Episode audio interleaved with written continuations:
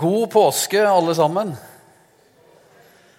Og så, fint å være her igjen.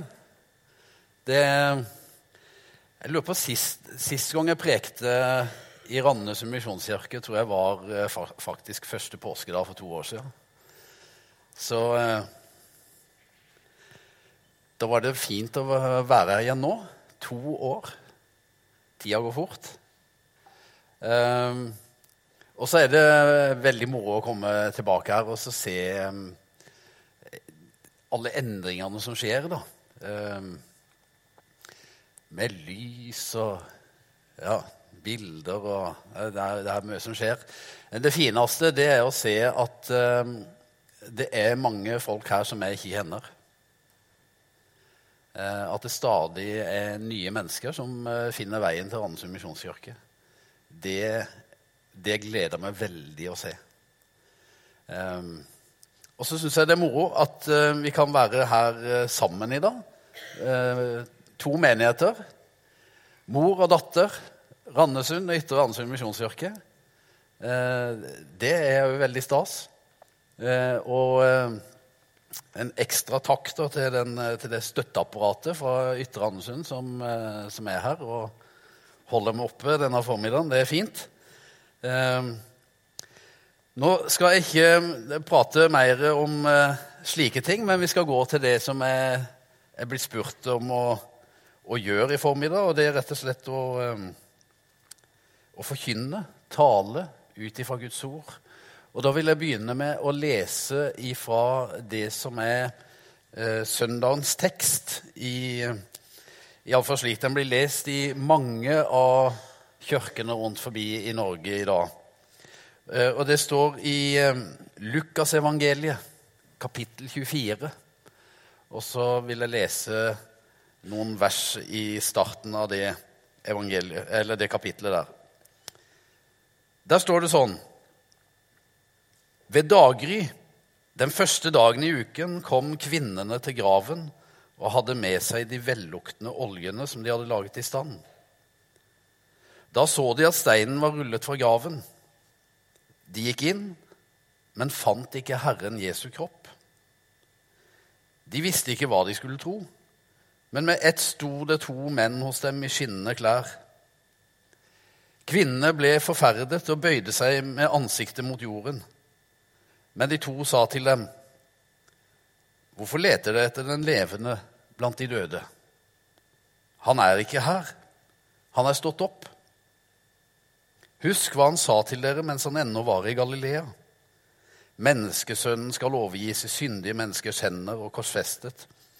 Og den tredje dagen skal han stå opp. Da husket de hans ord. Og de vendte tilbake fra graven og fortalte alt dette til de elleve og til de andre. Det var Maria Magdalena, Johanna og Maria Jakobs mor som sammen med de andre kvinnene fortalte dette til apostlene. Men de mente det hele var løst snakk, og trodde dem ikke. Peter sto likevel opp og løp til graven, og da han bøyde seg inn i den, så han ikke annet enn linklærne. Så gikk han hjem, fylt av undring over det som hadde hendt. Herre, ditt ord er sannhet, og nå ber vi om at du skal hellige oss i sannheten. Amen.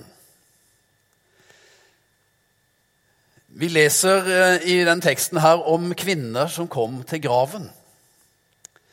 Eh, det var de samme kvinnene som var omtalt i eh, kapittelet foran. I vers 55 i, i kapittel 23 i Lukasevangeliet så står det de kvinnene som var kommet med ham fra Galilea. Altså damer fra Galilea som hadde fulgt Jesus og disiplene hans til Jerusalem og som hadde vært der gjennom eh, hele påskevekas hendelser. Eh, og de kvinnene, de hadde, de hadde sett eh, og henne Jesus hadde blitt lagt, hvor kroppen hans var blitt lagt henne. Og Vi får høre litt mot slutten av den teksten jeg leste, hvem noen av de kvinnene er. Det er Maria Magdalena, det er Johanna, og det er Maria Jakobs mor. Og så står det faktisk at det er jo flere kvinner som forteller disiplene om det de har hørt og sett. Eh, og hvem de andre er, det kan vi jo ikke vite helt sikkert. da. Men det er en god gruppe med kvinner her. Og det er en av de tingene som slår meg litt når jeg leser eh, påskefortellingene. Det er, det er hvilken sentral rolle kvinnene har. I Lukasevangeliet er det sånn at de plassene der kvinnene blir eh, på en måte løf, spesielt løfta fram og får en sånn eh, får helt spesielle roller i fortellingene, det er, det er her i påskefortellinga, og så er det helt i starten. Før Jesus blir født, liksom. Elisabeth og Maria, Jesu mor. Eh, og, eh, så de, de, er der ved de to helt sentrale hendelsene i Jesus sitt liv og virke. Eh, og De kommer de damene da, altså, til grava for å se til den døde. Og for å vise han den siste ære. For det var, det var slik at, eh, at, eh, etter at en person var eh, død, så ble de gjerne lagt i linklær og så salva med olje, og med velluktende olje. Og Det var jo fordi at en visste at etter hvert så ville dette liket å begynne å og lukte vondt. og sånt, og Derfor så var det en sånn siste ære å vise den døde, at en smurte det inn med, med velluktende oljer. Og så lå den døde kroppen der gjennom i et års tid.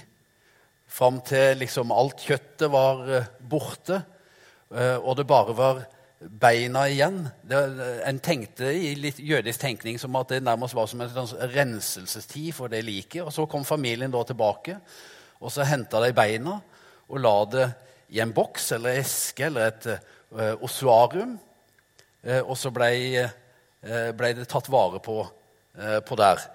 Men her kommer det altså da for å salve Jesus, Jesu lik med, med velluktende olje. Og så finner de grava åpen.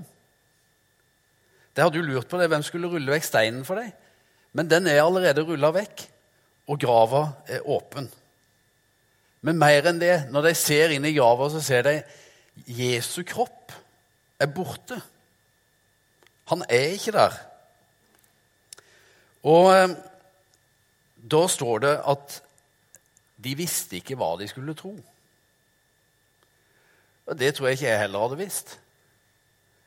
Hvis jeg hadde vært med på nærmest og sett at her blir noen gravlagt, og så kommer jeg tilbake et par dager etterpå, og så, og så er grava tom, og det er ingen der.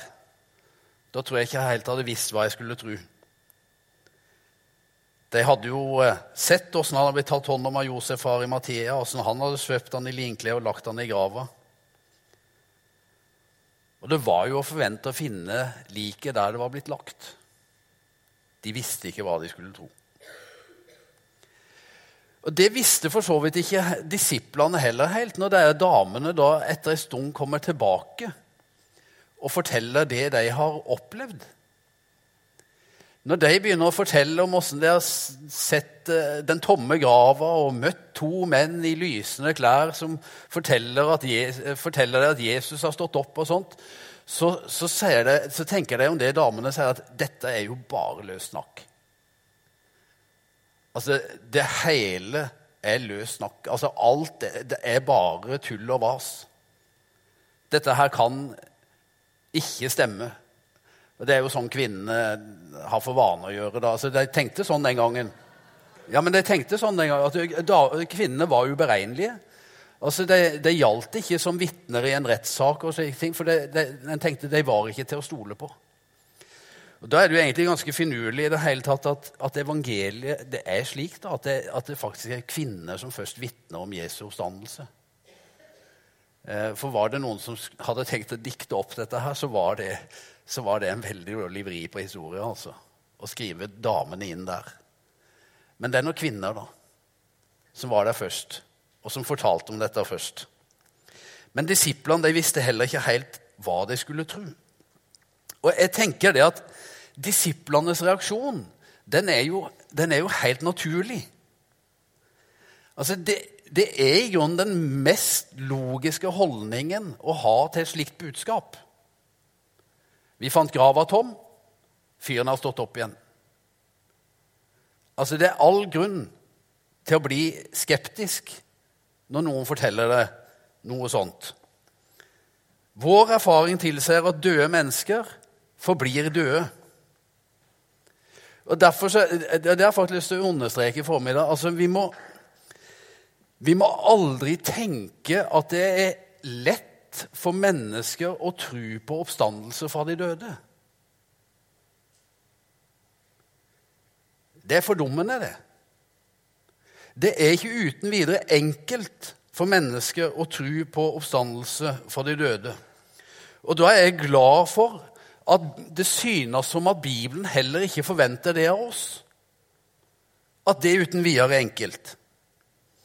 Altså Forfatterne her de gir på mange måter rom både for tvilen, usikkerheten og undringen i møte med dette budskapet. Og jeg er iallfall blant de som er glad for det. Altså Noen av de menneskene som skremmer meg aller mest, det er de som er så himla skråsikre. Altså de som er veldig snare med å konkludere, enten det gjelder politikk eller Jesu gjenkomst eller store etiske spørsmål eller sånne ting. Det syns jeg er mennesker som kan være litt både skumle og vanskelige å forholde seg til. De vekker ikke særlig tillit hos meg. Jeg har jo vært borti noen sånne kristne miljøer som er prega av en sånn type skråsikkerhet, og, og det det noen ganger vil kalle en sånn nærmest overdreven naiv tro. Og det er, ikke, er etter mitt syn ikke særlig bibelsk. Og noen ganger så bunner det i en sånn der uh, ureflektert tro på at ingenting er umulig for Gud. Og jeg tenker òg det i min teologi, at ingenting er umulig for Gud. Men jeg tenker at det går an å ha en sånn naiv og ureflektert tro og tenkning rundt det. Eh, og en slik naiv for ingenting er umulig for Gud-tenkning, den kan gjerne kreve av deg at du skal tro på alskens slags påstander om ting og tang. Om under og tegn og mirakler jeg tror på en Gud som kan helbrede. Jeg har hørt sterke vitnesbyrd om helbredelser, eksempel. men noen ganger når jeg hører om korte bein som blir lengre, så er jeg veldig skeptisk. Jeg tar det ikke nødvendigvis for god fisk. Eller når jeg hører om eh, gullstøv og englefjær og Jeg husker jeg var misjonær i Colombia. Jeg bodde i Barranquilla en stund, der som eh, vi nå samla inn eh, gave til, altså der de skolene ligger. Og Da var det en sånn vekkelsespredikant som var der, og, og, det skjedde mange under og tegn, fortalte folk. Og alt det som skjedde, det var at plombene De, de fikk sånne gullplomber i tennene, folk, da, når de var på de møtene.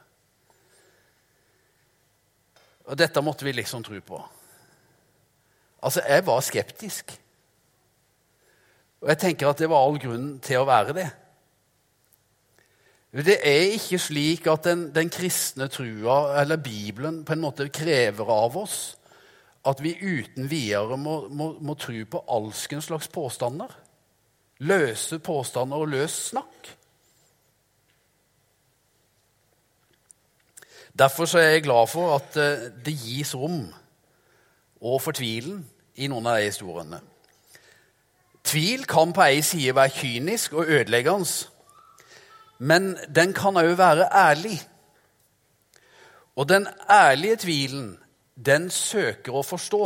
Det er en teolog en som heter John Pritchard, som har sagt eh, at han, han skriver at den troendes tvil og hør, Han kaller det for den troendes tvil.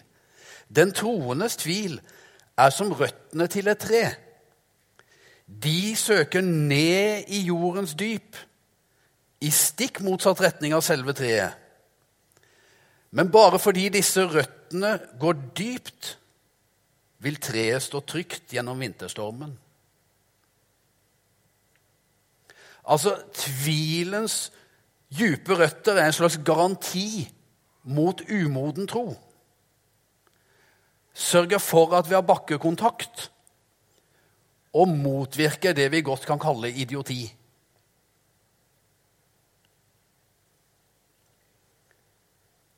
De første kristne tok ikke altfor god fisk.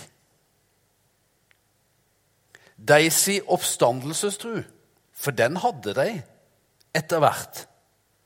Men de si oppstandelsestru, den var basert på langt mer enn løse påstander. Og de si tru, den skulle også komme til å vise seg å tåle mer enn vinterstormer. Ja, den tålte til og med forfølgelse, lidelse og død. Denne Pritchard som jeg siterte, han siterer en filosof som heter Unamono, som sier de som tror at de tror på Gud, men uten lidenskap i hjertet, uten sinnets kvaler, uten usikkerhet, uten tvil og uten tider av fortvilelse, de tror kun på ideen om Gud, og ikke på Gud selv. Jeg er glad for at disiplene på påskedag og dagene etter ikke var for raske med å konkludere. De var ikke umiddelbart skråsikre. Bibelen gir rom for sånne erfaringer. Evangelisten Johannes han skriver jo om uh, utdypende om Thomas som tviler. Og Matteus på sin side han, han, forteller jo at enkelte av disiplene fortsatt tvilte den dagen de møtte Jesus oppe på det fjellet i Galilea og han ga dem misjonsbefalingen. Det var ikke enkelt for de første disiplene å tro. Og det er ikke uten videre enkelt i dag heller. Men så kjenner jeg at en slik gjeng som det der, det kan jeg godt være en del av. Altså, dette var ikke fundamentalistiske ekstremister som, eh, som var forblinda av en eller annen forførende ideologi. Nei, det var vanlige mennesker med tusenvis av vanlige spørsmål. Og antageligvis også tusenvis av manglende svar. Men som likevel kom til bevissthet om at Jesus faktisk er stått opp fra de døde og lever i dag. Og Nå betydde ikke denne holdningen som eh, disiplene møtte damene med da når kvinnene kommer tilbake med dette budskapet, nå, nå betydde ikke den holdningen at, at, de ikke trodde på noe som helst. Det stod de trodde ikke på det, Men det, det, betyr ikke at de ikke trodde på noe som helst. Nei, Det betyr vel egentlig at de trodde på noe annet enn det kvinnene sa.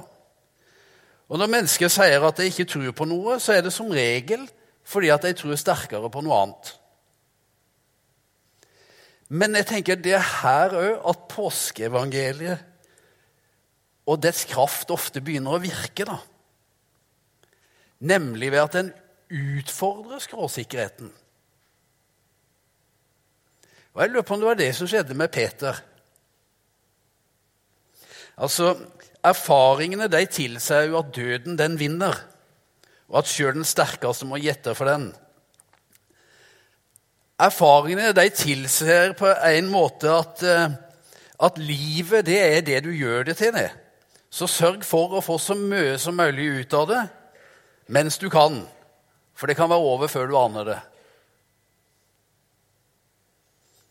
Men påskeevangeliets budskap, det Ja vel?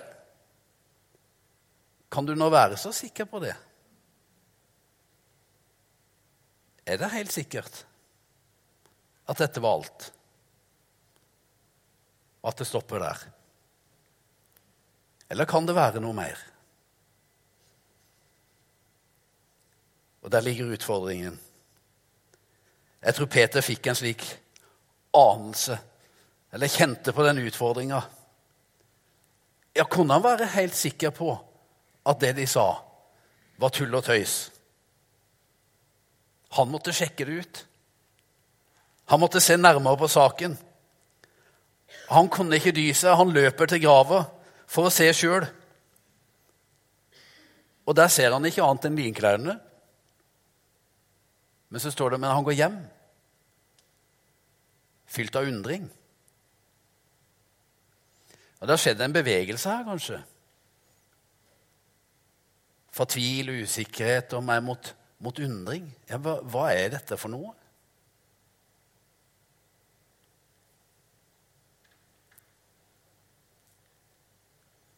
Han vet at døden er virkelig. Og det hadde han enda en gang vært vitne til på langfredag. Men er den endelig? Er det alt? Stopper det der?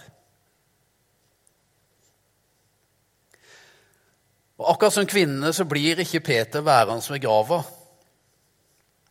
Det var jo ikke mer å finne der. Kvinnene hadde jo derimot fortalt at de hadde sett to menn. Hvem nå i all vide verden det kunne være? Altså, Var det, var det Moses og Elia som hadde dukka opp igjen, liksom? Altså, Peter hadde jo sett dem på fjellet når han var der sammen med Jesus. Det hadde vist seg for, for han og Jakob og Johannes samtalt med Jesus om det som skulle skje. Var det de som hadde dukka opp igjen, som hadde snakka med damene? Var det de som hadde stått for årets påskekviss? Hvorfor leter dere etter den levende blant de døde? Var det de som hadde kommet med spørsmålet? Var det de som hadde fått kvinnene til å, å tro at Jesus faktisk var stått opp? Eller var det engler? enda en gang da. Kvinner og engler. Det var jo sånn da Jesus ble født. da. Peter kan ikke vite helt sikkert hvem dette her var. da. Men det som er sikkert, er at Jesus er ikke i grava. Og det er feil plass å leite. Altså, Utgangspunktet er feil. Svaret på påskekvissen er å stille et annet spørsmål. Hvor kan vi nå finne Jesus? Eller sagt på en annen måte, kanskje Hvor kan vi nå forvente å bli møtt av den levende og oppstandende Jesus? Eller han som påstås å ha stått opp og lever. Og Da er det litt interessant om vi følger Lukas, Lukas sin beskrivelse videre. da. Så får vi kanskje noen ledetråder til det. Ja, hvor er Jesus å finne? Han som ikke lenger er i grava. For Skriften, Bibelen, viser veldig tydelig at det er menneskene som innledningsvis var preget av tvil og usikkerhet og undring. De kom til en bevissthet. Ja, de ble overbevist om at Jesus hadde stått opp, og at han levde blant deg. Det fantes riktignok ingen øyenvitner til sjøle oppstandelsen. Det leser vi ingenting om. Likevel er evangeliene helt konsistente i sin omtale av hendelsen. Og De omtaler Jesus som stått opp fra de døde. Og så alle detaljer i det bildet ja, Der er de kanskje litt mer forsiktige. Men Jesus har stått opp. Grava er tom. Og Det hadde vært enkelt å motbevise de sine påstander ved f.eks. å hente fram liket, om det bare var gjemt vekk, eller noe sånt, men det var borte. Og I tillegg så var det altså stadig flere mennesker som hevda å ha sett den oppstande. Først kvinnene, deretter to av disiplene på vei til Emmaus, deretter Peter og flere av de andre disiplene. Etter hvert òg Thomas, pluss Jesus sine brødre, pluss 500 andre som Paulus skriver om. Og Paulus sjøl, da, som òg hevda å ha møtt den levende, oppstandende Jesus. Og Vi vet òg at den byen der hvor Jesus ble korsfesta og begravd, den ble bare få uker etterpå snudd opp ned på hodet av at noen forkynte dette budskapet om at Jesus har stått opp fra de døde, og tusenvis av mennesker kom til tro på han og bekjente at han var levende blant dem med sitt nærvær. Noe skjer. En teolog som heter Jørgen Moltmann, han sier at påskeevangeliet kjennetegnes ved troen ved at trua på oppstandelsen har sitt grunnlag i at noe, noen har sett noe. Han drar fram dette ordet 'ofte', som vi finner igjen i oftalmologi, og, altså som har med, har med, syn å gjøre. da. Og Dette ordet det peker på, sier Moltmann, at Kristus ble sett og Det kan bety noe sånt som at han dukka opp, eller viste seg fram. Og så sier han formuleringene som benyttes, viser at det er snakk om åpenbaringer. Den aktive parten er den som dukker opp, eller den som får noen til å dukke opp. Den som påvirkes av åpenbaringene, derimot, er passiv. Det dreier seg om å se noe som blir gitt en å se. Det dreier seg derfor ikke om å se noe som er der på en måte hele tida. Det er heller ikke noe som kan repeteres eller verifiseres gjennom repetisjon. Derfor er Bibelens klare, det, det helt klare inntrykket fra Bibelen da, det er at det vi snakker om her, er en personlig Det skjer en personlig erfaring. Et møte med den oppstandende. Og denne personlige erfaringa er det tydelig at er, er grunn, grunnlaget og grunnleggende for nettopp trua på den levende oppstandende Kristus. Og I Lukasevangeliet ser vi mennesker gjøre denne erfaringa først. To som går på veien til Emmaus. Og der Jesus slår følge med dem, går sammen med dem. Og det er samtaler. Og det skjønner faktisk ikke hvem han er umiddelbart. Men da de tar inn i et hus, og de setter seg for å ete, og han bryter brødet, så forstår de det. Og så er det litt underlig Da, da blir han plutselig borte. Hva har skjedd? Ja, men det er åpenbaringen, det den levende Kristus som åpenbarer seg for mennesker. Og Etterpå så viser han seg for disiplene, der de er samla. Og så er det noe interessant i begge der fortellingene i Lukasevangeliet når, når Jesus åpenbarer seg.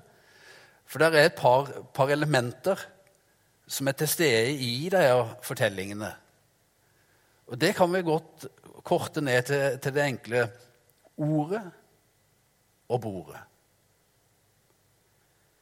Det er Skriftene som blir lagt ut. Det blir samtalt om hvordan Skriftene vitner om Messias og vitner om Kristus og Messias som skal lide og dø. Og så er det brødet som brytes. Altså dette måltidet som Jesus hadde innstifta før han gikk til Golgata. Og i det der kjenner de han igjen. Og der åpenbarer han seg for, for deg, og der møter de han.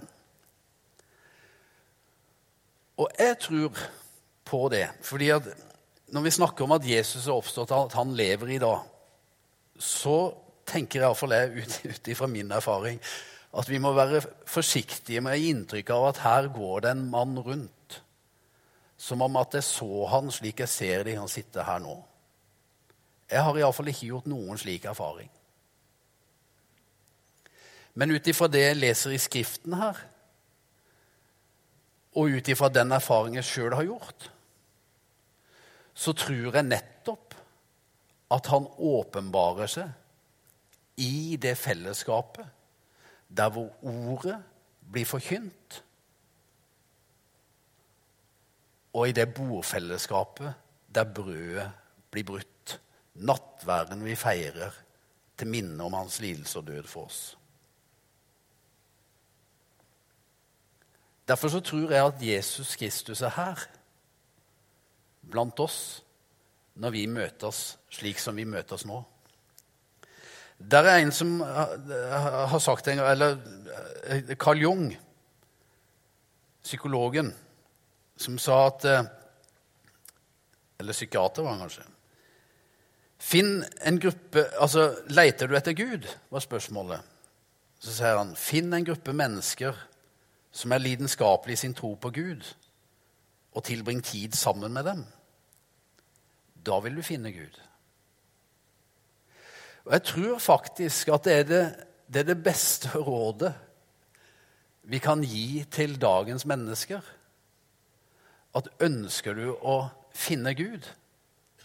og møte den levende, oppstandende Kristus, ja, så heng rundt de menneskene som vitner om og forteller om at jeg har møtt han, og det jeg har sett han. Ja, kanskje ikke sånn som du ser meg her nå, men i en åpenbaring. Der han har vist seg for deg. Og Her er det jo noe i, i, i påskeevangeliets fortellinger som, som, jeg tror er veldig viktig. for det. Og Peter Haldorf han skriver i en av sine bøker om, eh, om, den, eh, om Fjodor Dostojevskij som, eh, som, besøkte Optina-klosteret etter at hans 18-årige sønn var død. Og han, han ønska gudsbevis. Han var desperat etter det. Og Da får han til svar fra den åndelige veilederen han møter der, at vi kan ikke bevise noe som helst. Men vi kan bli overbevist.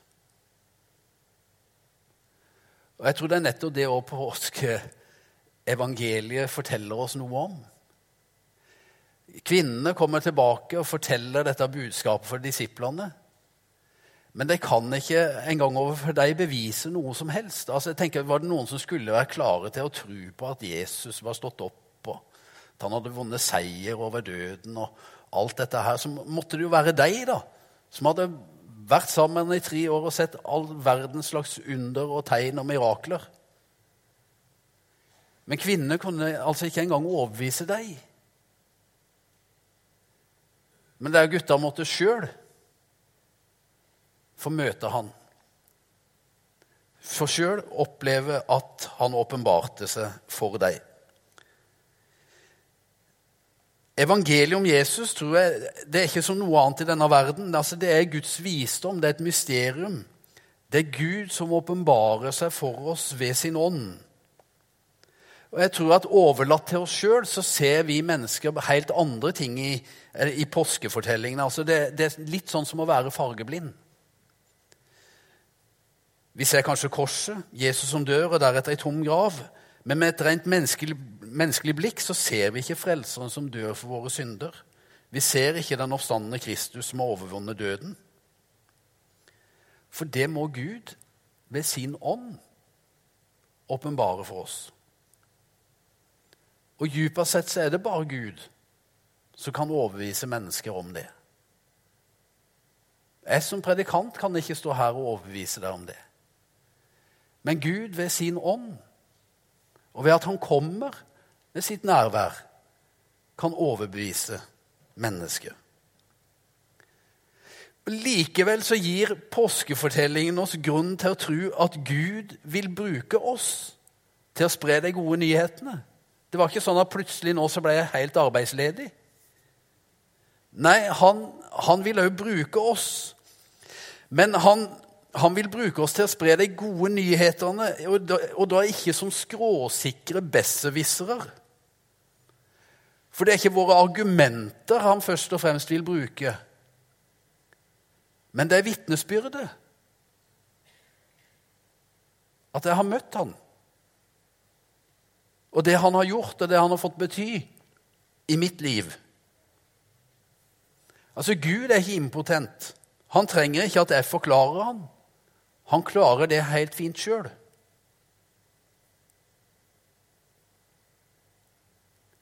Mitt kall er å vitne om det jeg har sett og hørt.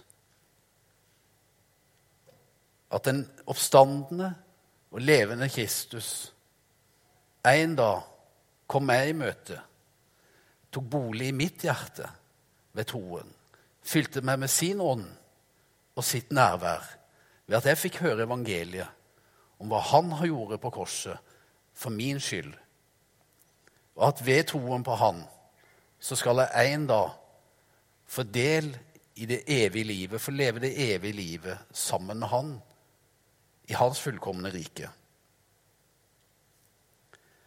Og Derfor er det min bønn det, når jeg hører evangeliet forkynt, at jeg ikke bare skal høre sannheten, men at jeg skal få møte Han som er sannheten.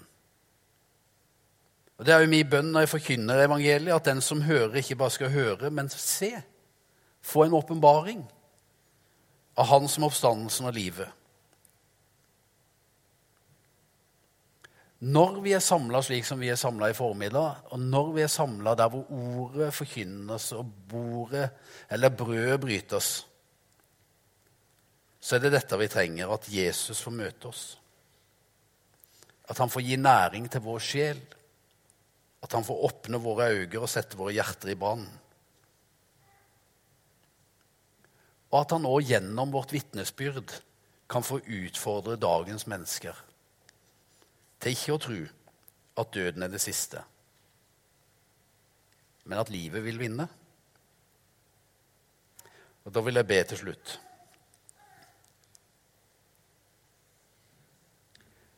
En kort, liten bønn av ei som heter Ragnhild Bakke Våle, som har skrevet.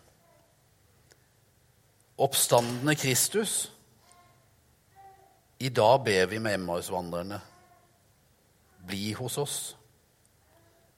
La oss se deg, høre stemmen din, kjenne nærværet ditt.